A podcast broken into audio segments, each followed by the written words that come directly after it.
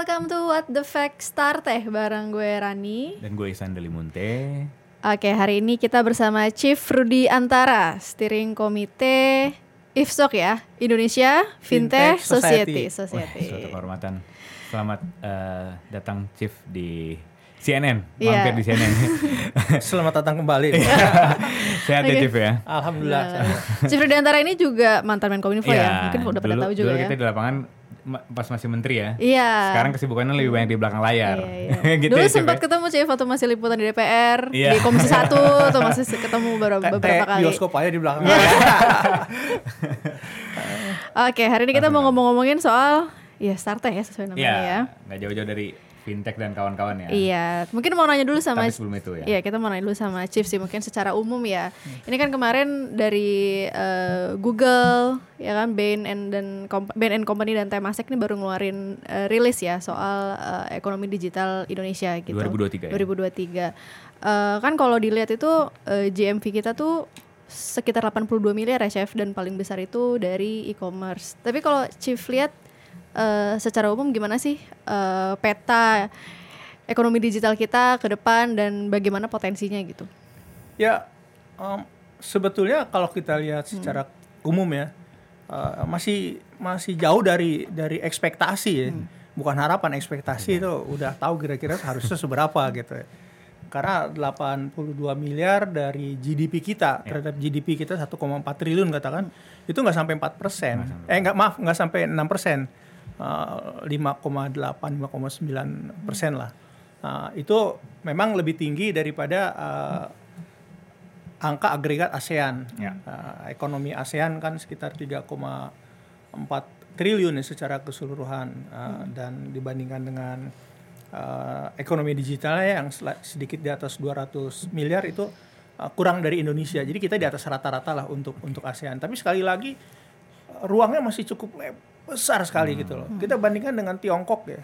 Tiongkok itu udah GDP-nya berapa kali lipat Indonesia, ekonomi digitalnya rasionya terhadap GDP-nya itu 40% Dengan lebih 40 gitu ya. loh. Sementara kita masih 6% ya, Chief. Kira-kira 6%. Jadi sebetulnya banyak dan ini bergantung kepada sekali lagi eh, para pemangku kepentingan utama ya. Eh, jangan hanya dilihat ekonomi digital itu dari sisi infrastruktur, Iya. tapi siapa proses business owner? Ya, oke. E-commerce itu siapa yang memiliki yang owner daripada proses uh, e-commerce? Namanya e-commerce, dagang. Siapa yang yang incar? Siapa regulatornya? Siapa policy makernya? Terus kita bicara mengenai transportasi. Kita kan ada ada Gojek, ada uh, macam-macam lah yang model transport transportasi online. Siapa pemangku kepentingan utamanya? Siapa pengampunya? Walaupun di- tidak ada di undang-undang transportasi untuk ngatur roda dua ya, tapi kan balik kita perlu visi ya. Masa depan kita ini ekonominya menjadi seperti apa, kemudian masyarakat diberdayakannya seperti apa. Ini tergantung kepada itu satu, Bu. Jadi bukan hanya infrastruktur. Infrastruktur itu uh, must to have. Ya. Tanpa infrastruktur nggak bisa. Tapi sekali lagi polisinya, kemudian juga Manusianya. ya manusianya. Nah, kalau kita bicarakan selalu ada uh, tiga ya DN, D- DNA itu device, network dan aplikasi. Device-nya ada nggak? Ya sekarang bisnis device seperti apa? Kemudian networknya seperti apa? Network tadi saya katakan infrastruktur akses internet di mana-mana. Ya. Mau ke desa kayak mau ke mana kayak ini. Kemudian yang terakhir adalah aplikasi. Nah, kita punya akses internet ya. Tapi uh, kalau nggak ada aplikasi, nggak ada aplikasi buat apa? Iya, iya. SDM yang nggak ngerti mau seperti apa. Manusianya. Nah ini yang banyak terjadi di, Oke. di di sektor uh, keuangan sebetulnya fintech. Hmm. Nanti kita bicara Oh. lihat lah. Siap. Dan itu Tiongkok udah punya semua itu, Chief ya. Oh, DNA itu ya. Dan Oh, kita betul. Nah, makanya dia bisa 40% tadi dari GDP. Pemerintahnya terutama yang uh, sektor ya, leader di, di sektor-sektornya ini ya yang yang apa yang uh, membuat kebijakan-kebijakan yang memang mendorong ke sana. Contoh yang ramai di kita apa coba satu satunya lagi. Uh, kurir, Hmm. logistik. Di kita logistik itu ada di mana? Dulu berangkatnya dari undang-undang undang-undang undang-undang Waktu- Makanya kita usulkan enggak kita nggak boleh lagi melihatnya hanya sebagai pos. Pos itu kan antara dari surat paket. Nah, itu kan kalau logistik ke supply chain-nya ya ya barangnya, yang transportasinya, kapal lautnya, mungkin di darat keretanya, truknya, pelabuhannya. Kita harus melihat logistiknya. Nah, kan logistik cost di Indonesia ini tergantung ya versi mana gitu loh. Kalau kalau versi ada yang versi 23% dari GDP, kemudian ada juga yang versi Bappenas 14 sampai 15 persen. Iya. Satu persen dari GDP kita kan 140 miliar dolar. Kalau kita perbaiki logistik sat- satu persen ya memperbaiki logistik cost. Berarti kan tambahannya benefitnya bagi negara itu 140 miliar itu kurang lebih berapa? 2.100 triliun kan? Eh, Itu baru logistik aja Chief, Betul. ya? Sekarang kan Iya. ada kurir-kurir mau JNT kah Iya, siapa kayak kayak JNE gitu. kawan-kawan. Nah, itu itu memperbaiki sebetulnya dari. Tapi harus ada yang memang punya visi ke depan ini mau seperti apa gitu loh. Hmm, siap, Chief. Nah, soal tadi kan ekonomi digital 2003 itu paling tinggi kan eh, e-commerce ya. E-commerce. Terus tadi juga sempat ngobrol sama Chief, tadi juga nomor dua travel karena habis Covid. Tapi fintech itu masih di nomor keberapa gitu Chief ya. Nah, itu yang mau kita bicarakan sebetulnya, Oke. fintech itu. Nah, gimana Chief melihat perkembangan fintech lah sekarang ini? Nah, fintech itu ya, Iya. kita kalau kalau kita kita kita bisa lepaskan dari sebetulnya uh, target inklusi keuangan kita. Inklusi keuangan kan uh, ada masyarakat apa orang dewasa yang memiliki uh, akses layanan keuangan apakah itu lending, pinjaman, apakah itu saving, dia bisa nyimpan, kemudian juga asuransi, kurang lebih kurang lebih ya, Tiga kurang ya, lebih ya? ti- tiga ini. Nah, memang kalau kita uh, hitung angka dari inklusi keuangan kita itu cukup tinggi 80-an persen. Tetapi kalau kita lihat yang menjadi isu bukan itu, yang menjadi isu adalah adanya gap antara inklusi keuangan dengan literasi keuangan. Ya, fintech literacy tadi ya, masih rendah ya. Bukan hanya fintech, bukan hanya berbasis teknologi yang yang biasa-biasa aja non Secara teknologi umum aja masih rendah. masih Masih rendah. ada gap apalagi yang Iya, teknologi fintech baru ya. gitu kan yang exposure-nya uh, memang tidak setinggi. Kalau orangnya nyimpan di bank tabungan buku tabungan kita masih kecil masih SD juga udah nyimpan Udah, iya, kan udah nabung. Nah, kalau sekarang kan beda. Dengan adanya pinjol itu baru-baru. Nah, itu. apalagi yang baru begini gitu. Iya, iya. Nah berarti pinjol itu ya kendalanya kan berarti isunya tuh Chief yang lagi juga dirasakan semua kalangan ya. Bahkan tadi kita ngobrol juga kan ternyata korbannya itu bukan orang kan tadi literasi rendah, tapi ternyata korban bukan masyarakat yang pendidikannya rendah, tapi justru mahasiswa ya Chief ya. Berarti itu kan ada masalah memang di situ. ada Ah, jadi pinjol dan eh, pencurian data pribadi sekarang. Chief melihatnya gimana tuh? Oke, gini, kalau kita bicara mengenai literasi ya, itu tidak terkait langsung dengan tingkat pendidikan. Ya betul. Tingkat pendidikan. Nah, buktinya ada yang tadi disebut juga uh, orang tuh abai. Lit- literasi itu kan sebetulnya artinya apa? Saya tahu, saya paham akan segala risiko konsekuensinya. Nah, itu itu literate namanya kurang lebih ya bahasanya Ya. bahasa pakai yang teman-teman teknis gitu ya. Nah, kalau memang dia mahasiswa sekalipun ya yang dibanding dengan mohon maaf ya yang lulusan SD, itu kalau yang lulusan SD-nya oh, saya tahu nih pakainya gimana. Oh, saya tahu risikonya, Risikonya gimana. gimana. Ya, ya, itu kan sebenarnya lebih literate Iya iya iya. ya, dibanding yang yang yang tadi. Kenapa yang tadi mungkin bukan hanya mahasiswa ya, uh, kebetulan diangkat tadi mahasiswa chief. Kalau kalau saya lihatnya banyak juga yang lain. Kalau kasus pinjol ini kan bukan hanya mahasiswa yang bukan mahasiswa juga banyak yang istilahnya kena pinjol. Pinjolnya masalahnya pinjol ilegal lagi. Iya. Udah pinjol ilegal lagi kan. Karena kena combo ya Chief ya. Nah, jadi uh, isunya adalah sekali lagi masalah literasi uh, Oke. keuangan. Kalau dilihat dari si fintechnya sih, oh luar biasa kita. Uh, fintech ini kan yang paling banyak, yang paling rame, yang paling seksi itu buat teman-teman media tuh peer to peer lending lah, Ya. pinjol lah. Pinjol itu. Nah pinjol ini kan sekarang sedang secara brand ya, secara brand saya melihatnya sekarang sedang di bawah nih, karena apa-apa dikaitin pinjol yang negatif. Orang meninggal, nggak bunuh diri, oh gara-gara ter- pinjol. terjerat pinjol. Karena pinjol. Padahal nggak nggak nggak nggak juga begitu. Iya, iya. Bunga tinggi karena kena pinjol. Siapa bilang gitu loh. Justru saya banyak yang positif ya. Iya. Saya contoh saya ambil ya. Ada ada fintech lending yang justru mereka 60% nasabahnya itu ada di luar Jawa.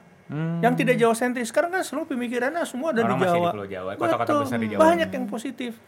Memang ah, kalau kita lihat ya, ah, terutama yang mikro ya, ah, bunganya lebih lebih tinggi daripada bunga bank. Tapi mereka tanpa jaminan. Satu itu. Iya. Yang pasti lebih rendah daripada lintah darat. Iya. Ya. Dan masyarakat juga gini kan. Kenapa orang masih pakai uh, lintah darat Rentenir lah? gitu ya. Rentenir lah kurang Iya. lebih ya. Mohon maaf bahasanya saya perbaiki. rentenir. Masih oke lah rentenir. Iya. Karena apa? Karena kecepatan, tanpa ada jaminan. Nah, Nah sekarang tanpa ada jaminan tetapi bunganya lebih rendah, pasti orang berpindah kan? Nah, itu yang itu yang perlu di eh, di ini diedukasi ke masyarakat lebih Betul. lagi ya. Betul dan dan pinjol ini juga kan kalau ilegal ya udahlah. Sebenarnya kan kita gampang sekarang. Ah, teman-teman Aftek itu membuka semacam verifikasi. Kalau saya ada pinjol mau bener ini pinjol berizin atau tidak itu bisa dicek. Bisa dicek.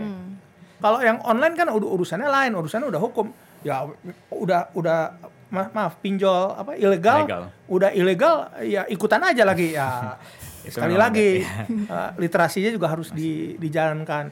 Orang yang legal aja eh, masih ada yang eh, belum paham seluruhnya, apalagi, Apalagi yang, yang ilegal. yang ilegal. Tapi sebelum ini, Ran. Ya maksudnya sebenarnya fintech itu berarti eh, apa ya perannya itu sangat membantu ya dalam apa ya soalnya kan selama ini nggak nggak nggak semua masyarakat ya terakses ke bank gitu untuk apa pinjaman kayak Tiga gitu. tadi ya, Heeh, ya, kayak gitu. Tabungan, tabungan sama asuransi. atau atau asuransi. Heeh, kayak gitu. Berarti ini eh, sebenarnya sangat membantu ya peran fintech ini dalam apa ya, inklusi keuangan ke masyarakat terutama yang di kelas bawah gitu ya Chief. Oh iya, Hmm. oh, oh sangat gitu ya. Eh, PBB ya, eh, saya ingat tahun 2019 itu Hmm. presentasi di PBB mengenai eh, peran fintech dalam inklusi keuangan. Mereka kan memuji Indonesia sebetulnya. Hmm. Ya, tapi fintechnya ada yang peer to peer lending gitu ya, ada ada layanan-layanan yang lain. Kan Sekarang variasinya banyak benar, ada 30 ya. Tapi yang yang besar nilainya itu adalah eh, ini apa? eh, payment. Hmm, ya. Payment itu tahun lalu tahu nggak berapa nilainya? Kita nih pakai eh, apa? Pembayaran kris gitu-gitu juris ya. itu ya. Iya bukannya ya ya dasarnya adalah GoPay, GoPay. eh, OVO, Iya. terus eh, apa namanya? eh, Shopee, Shopee Pay, Pay. ya itu Iya. tahu tahu nggak nilainya berapa tahun lalu?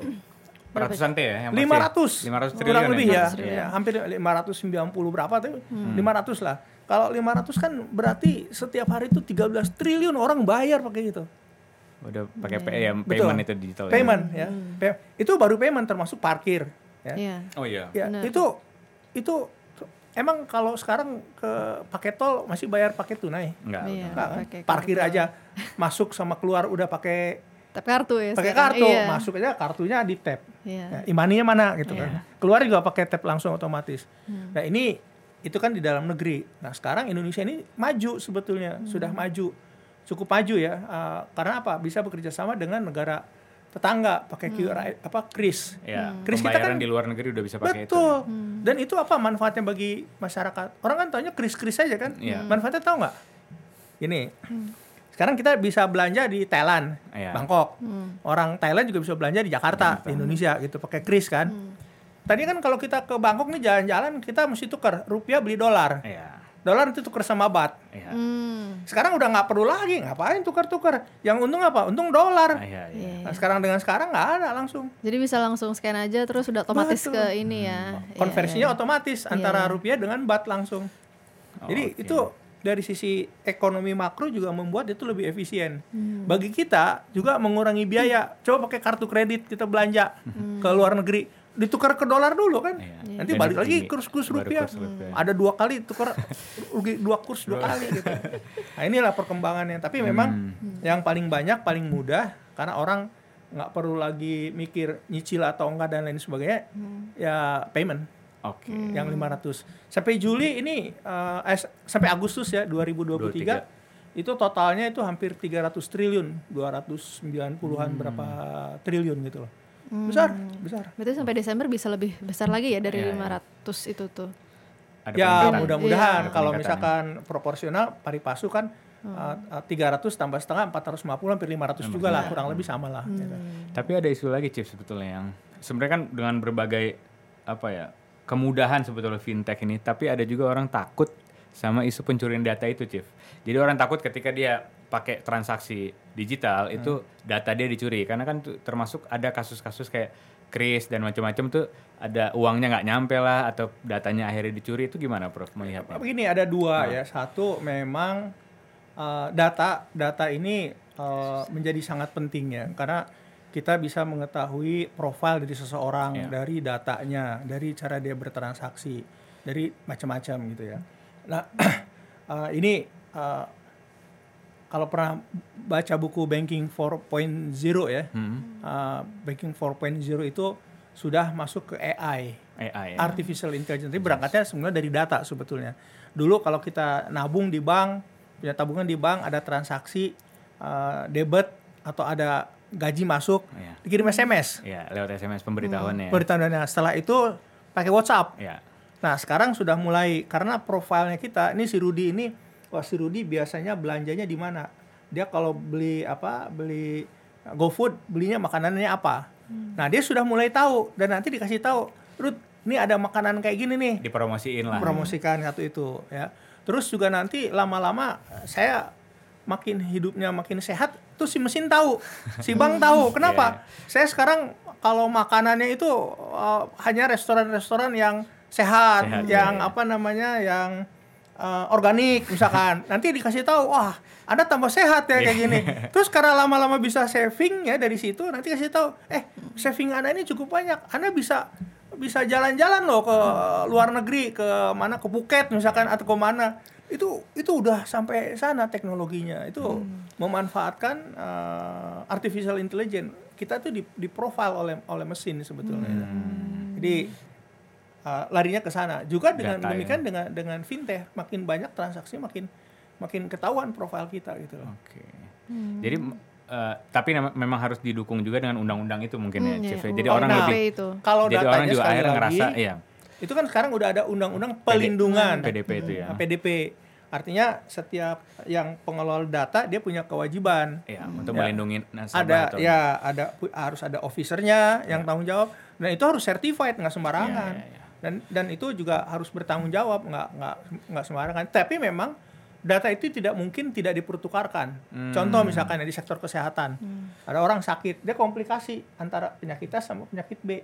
Kan dokternya beda Iya. tim kan? Itu kan harus bertukarkan dokter ini ngasih tahu eh ini kayak begini eh darahnya begini dan sebagainya. Hmm. Itu harus bertukarkan walaupun dia tidak dalam tim itu tidak tidak harus fisik kan Ya. bisa juga saya kirim datanya online ke sana hasil labnya piring ke mana Nah, itu kan semua harus dilindungi nah kejadian yang tadi itu ada dua kejadian yang memang orang kagak bayar-bayar Oke. Nah, ya udah diambil datanya. Semua kan datanya ada. Oh, saya sebarin loh kayak gini. Itu satu. Iya, Ya itu keja- diancam ke- kejadian yang yang yang model demikian. Hmm. Kejadian lagi yang memang secara sistem itu misalkan ada bisa dihack atau bisa Ya. uh, memang ada yang membocorkan orang dalam biasanya mi- misalkan ada orang dalam yang membocorkan macam-macam. Karenanya sekarang sangat sangat diproteksi melalui undang-undang pelindungan data pribadi. itu.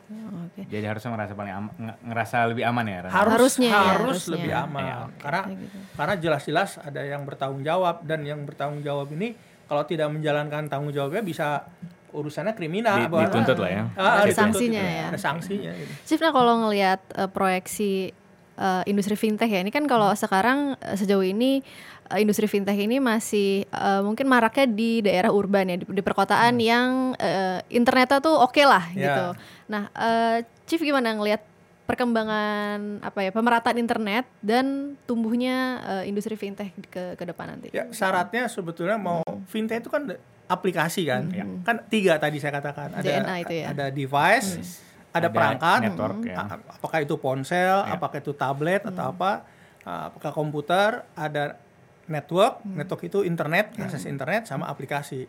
Aplikasinya ada net networknya ada device-nya ada. Nah kalau network itu sudah pasti harus ke uh, seluruh Indonesia uh, karena semua masyarakat Indonesia punya hak untuk punya akses Ya. uh, internet ya. Jaringan jadi internet. hanya kan yang namanya uh, bisnis operator itu kan selalu yang yang mana yang cepetan balik modal dulu gitu kan Jadi makanya ada pusatnya di kota-kota besar dulu gitu. Iya, tapi bukan berarti mereka dilarang tidak, Iya, karena iya. mereka juga membayar namanya uh, USO, Hmm. uh, Universal Service Obligation. Jadi ada uh, kewajiban dari operator besar, operator seluler besar, operator Oh. internet besar, mereka mau bayar ke pemerintah.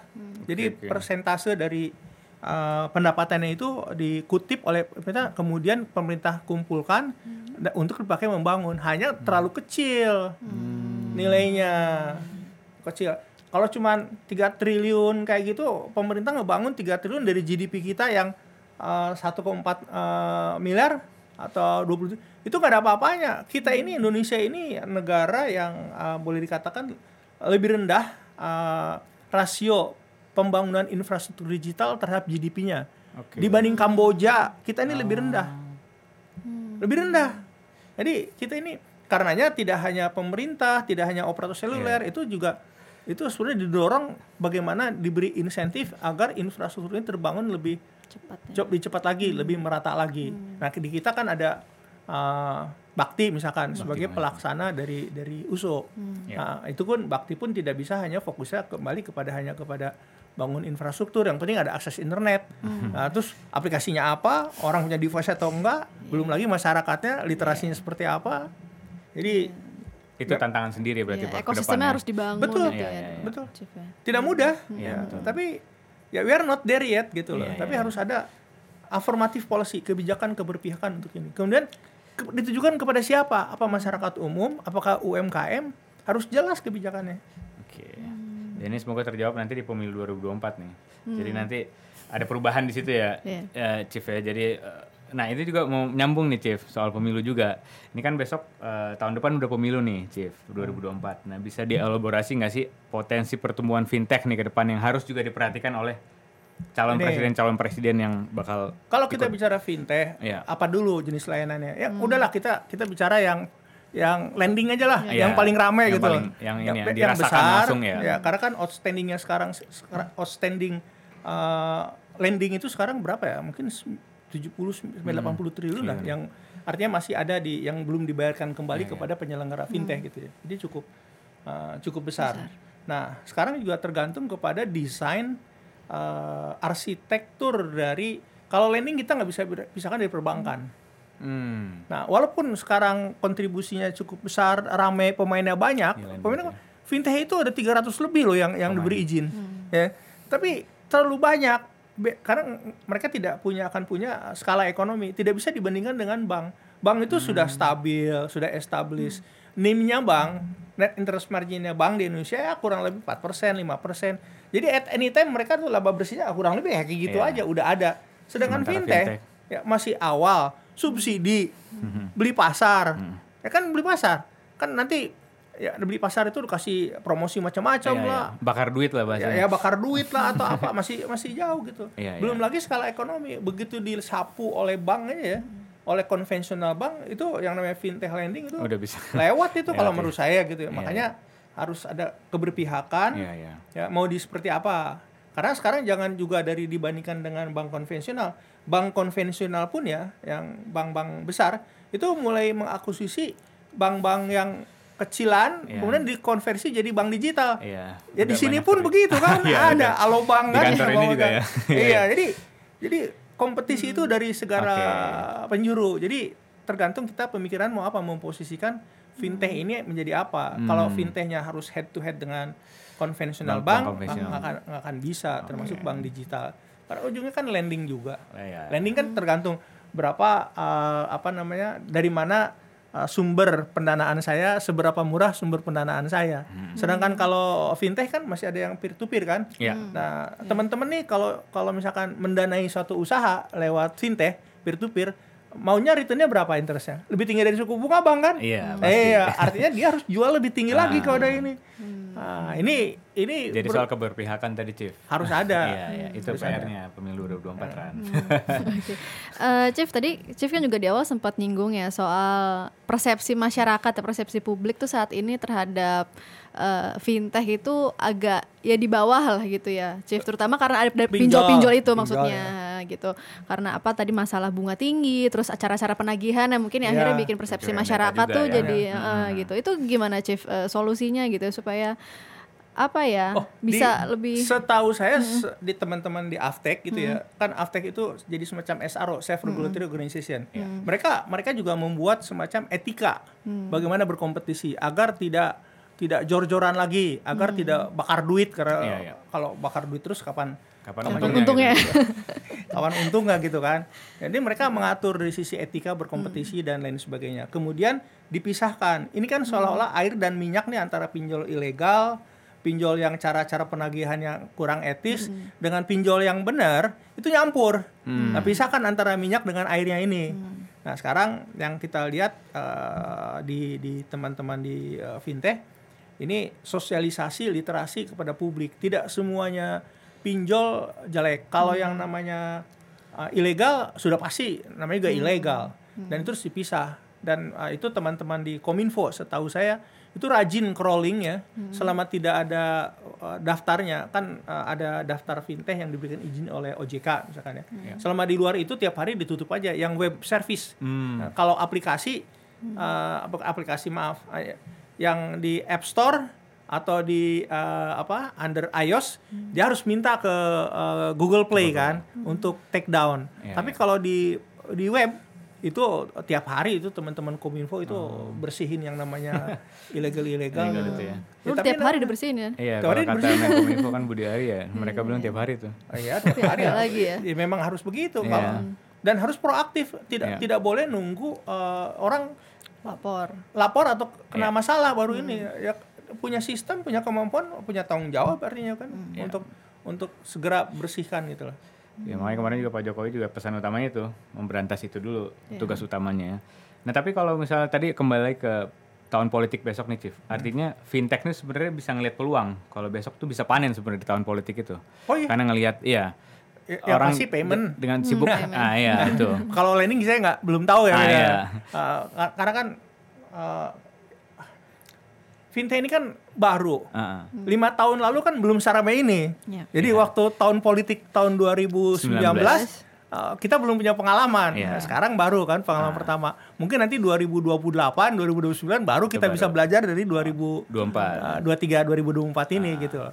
Tapi yang pasti kalau menurut saya payment. Kalau payment kan Oke, itu yang harus dilihat peluangnya. pasti pasti lebih besar lagi kalau menurut saya payment. Uh, ya yang e-wallet, ya Iya. e-payment kayak gitu, e-money. Iya. Karena orang lebih dari jauh pun saya pakai ponsel saya pun saya bisa bayar atau apa gitu.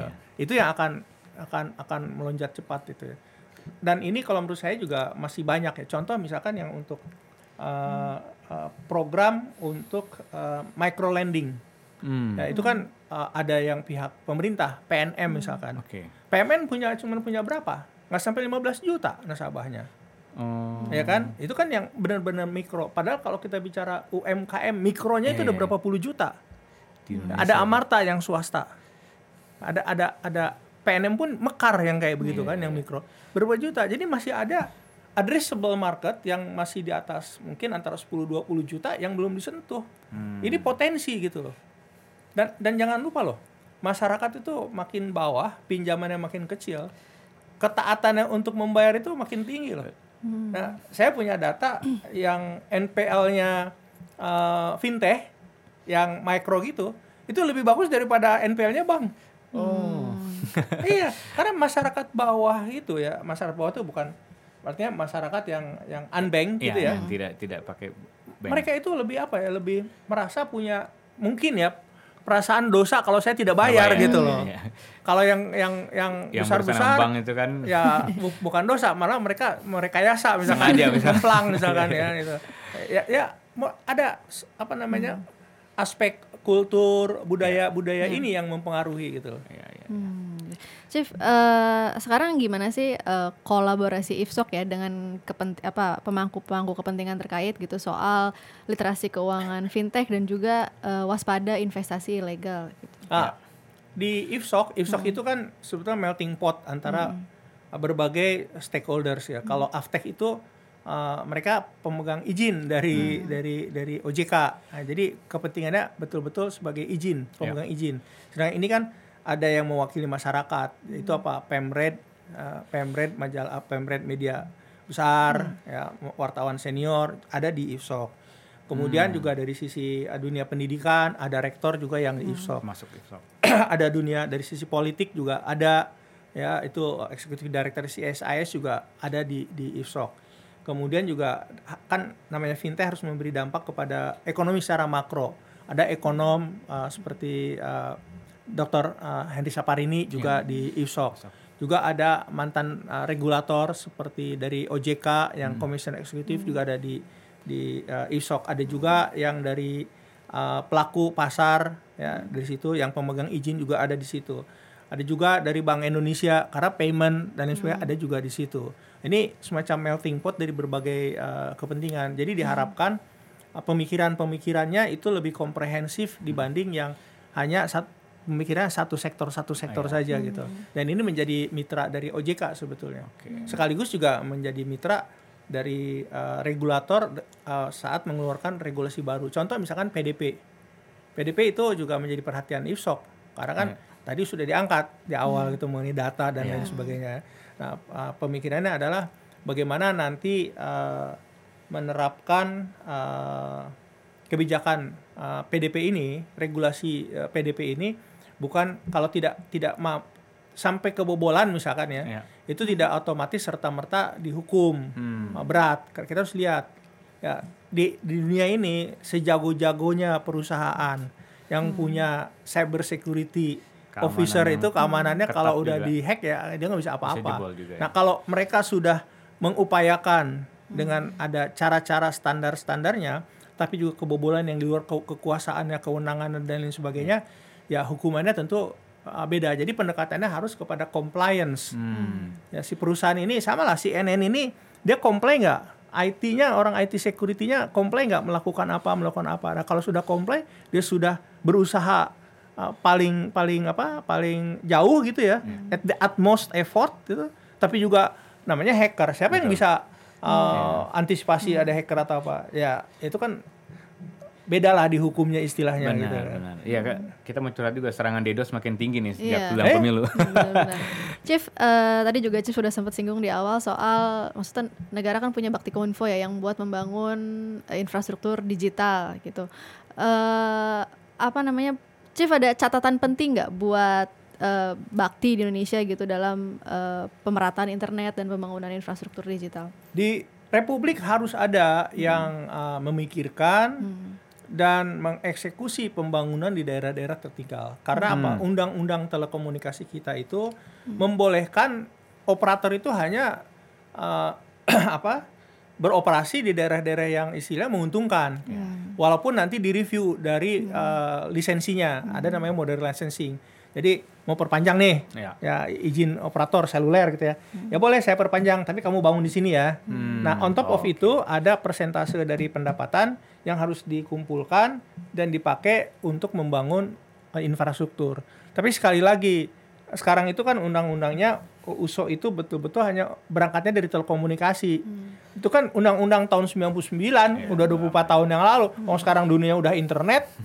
Ya, dan pada saat itu masih kalau kita bicara telekomunikasi dihitung kan telepon rumah, telepon kantor. Oh sekarang udah zamannya seluler gitu kan.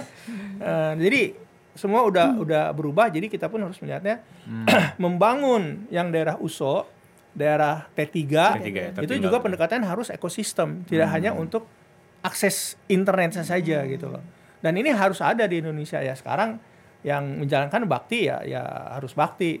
Da- harus dijalankan dengan uh, full apa namanya uh, karena kan sudah hampir seperti korporasi jadi uh, good corporate governance. Atau kalau kalau dianggap bagian dari pemerintah good government governance harus harus harus itu yang dijalankan pentingnya. Karena prinsip governance itu cuma lima tarif transparansinya harus ada accountability responsibility independensi dia pada saat ngambil kemudian harus independen. Nggak bisa gua disuruh-suruh diperintah-perintah uh, ngelanggar aturan misalkan. Sa- lain lagi fairness. Selama itu dijalankan memang harus itu prinsip-prinsip governance, itu. governance itu ya. tapi harus ada bakti ini harus harus didukung. Iya. model bukan hanya bakti ya model bakti ya nah sekarang kebetulan bakti pelaksananya Iya. ya, ya, ya harus didukung kalau enggak gimana saudara-saudara kita Chief kan sana di Sumatera Utara ya Iya, Sumatera coba Utara. dari pesisir barat Sumatera Utara yang nggak punya akses internet Iya, iya. gimana kan juga ingin berkomunikasi dengan saudara-saudara yang di sana yang Iya, di betul, betul. Sumatera Utara sana yang daerah daerah Yang daerah ter- T3 Iya, T3 itu. ya, Chief. iya jadi harus Oke. Chief, terakhir mungkin ya, Ran ya. Jadi pandangan Chief RE nih terkait eh, melihat tren koneksi eh, digital 5 sampai 10 tahun ke depan. Eh, mengingat kita kan Indonesia mau meluncurkan satelit Satria nih. Hmm. Nah, itu Chief ngeliatnya gimana nih setelah Udah peluncuran meluncur. nanti? Eh, udah meluncur maksudnya, udah Jadi- meluncur.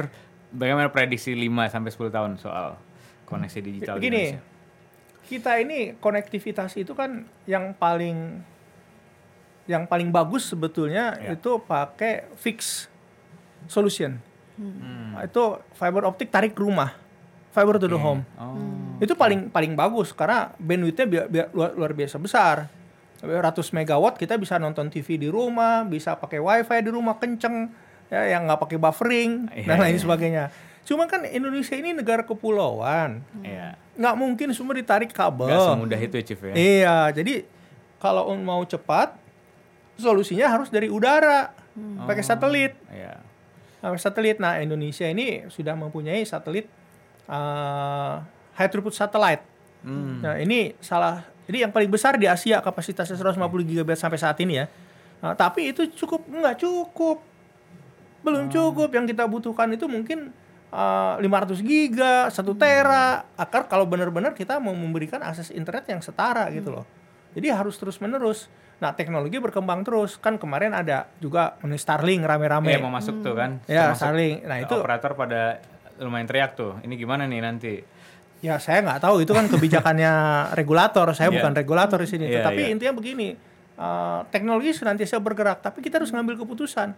Kalau nunggu teknologi, teknologi satelit itu, kita ngomong sekarang nih, kita pengen ada sa- pengen satelit, uangnya udah disiapkan, itu mendesain, membangun manufaktur satelit tiga tahun. Jadi kalau kita ngomong sekarang nih, oh kita bikin satelit yuk, oke bikin perusahaan satelit, itu tujuh tahun lagi baru ada. Oh, Nah in between nanti ada teknologi gimana? di antara iya. Ya, jadi kita tapi kita tidak bisa nunggu nunggu teknologinya baru. Kalau nunggu teknologi baru kita nggak akan pernah punya punya. Nah, karena apa? Nanti bentar, oh ada lagi yang baru, ganti aja. Nah, ya kita harus ngambil posisi, ya ini. Karena to the best information we have setelah due care kita dilakukan, ini yang paling baik saat ini. Bahwa nanti ada teknologi baru, itu di mana-mana begitu. Tapi bisa diper- di- dipertanggungjawabkan. Nah sekarang kan Satria 1 sudah meluncur. Ya, sepengetahuan saya, saya juga cuma baca di ini. Kalau saya nggak nggak nggak lagi ikutan, nggak lagi interaksi sama teman-teman kominfo gitu ya untuk masalah kebijakan baca-baca-baca nanti mulai tahun depan Januari sudah mulai apa di di di eh, di ground segmen yang artinya di titik puskesmas lah kesehatan itu udah mulai ada berapa ribu misalkan tahun depan Yang pakai akses satelit ya. iya pakai akselis pakai satria Langsung gitu loh ya. Oke, Chief. Nah, harus memang kurang Iya, cuma kurang tadi ya. Karena tadi ngomong fiber tuh cuma masuk IKN tuh. Jadi kata IKN udah fokus tuh fiber semua kan. IKN gampang I- Iya, IKN itu belum- Kalimantan itu pretty much landmass Iya, sementara Island. kita jauh terlalu padat ini, Chief. Singapura itu ya mohon maaf ya itu kan daratan semua Iya. Malaysia Iya, daratan iya. semua yang negara seperti kita itu Filipin. Nah, Filipin kan hampir sama banyak Iya. pulaunya kita lebih banyak Iya, pulaunya iya. tiga belas ribu tiga belas ribu ya berapa Pulau berapa Ran? Ada yang bilang 13, ada yang bilang 17 ribu Oh, juga, Oh, ribu berapapun lah. Iya. Tapi saya katakan itu waktu waktu itu waktu pasang naik. Iya. Begitu pasang turun jumlahnya naik lagi. Pulaunya.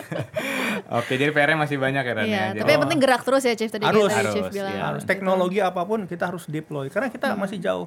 Dan bandingkan seperti saya tadi sampaikan ya.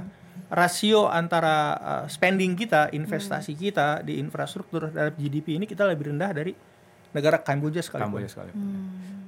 Siap kalau gitu, Chief. Oke. Makasih banyak Terima insight kasih. dan diskusinya hari Ya. ini. Semoga eh, nanti kita bakal bikin diskusi lebih banyak lagi tentang Iya, teknologi soal dan teknologi. startup ini ya Ran ya. Ya. Karena memang what the fact milenial ya. Iya, Jadi ini- banyak yang nonton milenial nih, Chief. Oh gitu. Iya, makanya namanya sengaja kayak gini Chief. What the fact Ya, gitu. Oh gitu. Milenial Iya, banget. Biar gitu. melek semua soal fintech. Bagus dan- lah. Iya. Karena betul. apa? Ini bonus demografi nih. Nah, betul. Ini 10 tahun lagi yang ini kepentingan kepentingan Buat generasi kita selanjutnya. generasi milenial, generasi Z. Iya, Iya, betul. Ya, jangan milenial aja. Iya, generasi Z juga kena. iya. Iya, betul. Terus 2045 Udah bonus 23 demografi. 20, 23 tahun lagi, 22 tahun lagi kan Iya. Indonesia emas. Ini siapa?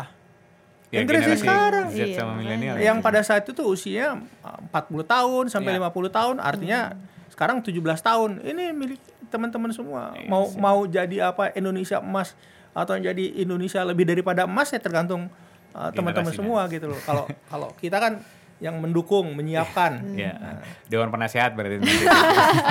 Siap kalau gitu, thank you, Terima kasih Yo, banyak ya Chief banyak. hari ini. Terima kasih banyak Sukses semua, Chef, ya. Iya. Oke. Eh, kalau gitu gue Isan Dalimunte undur diri. Rani pamit. Dadah. Sampai jumpa.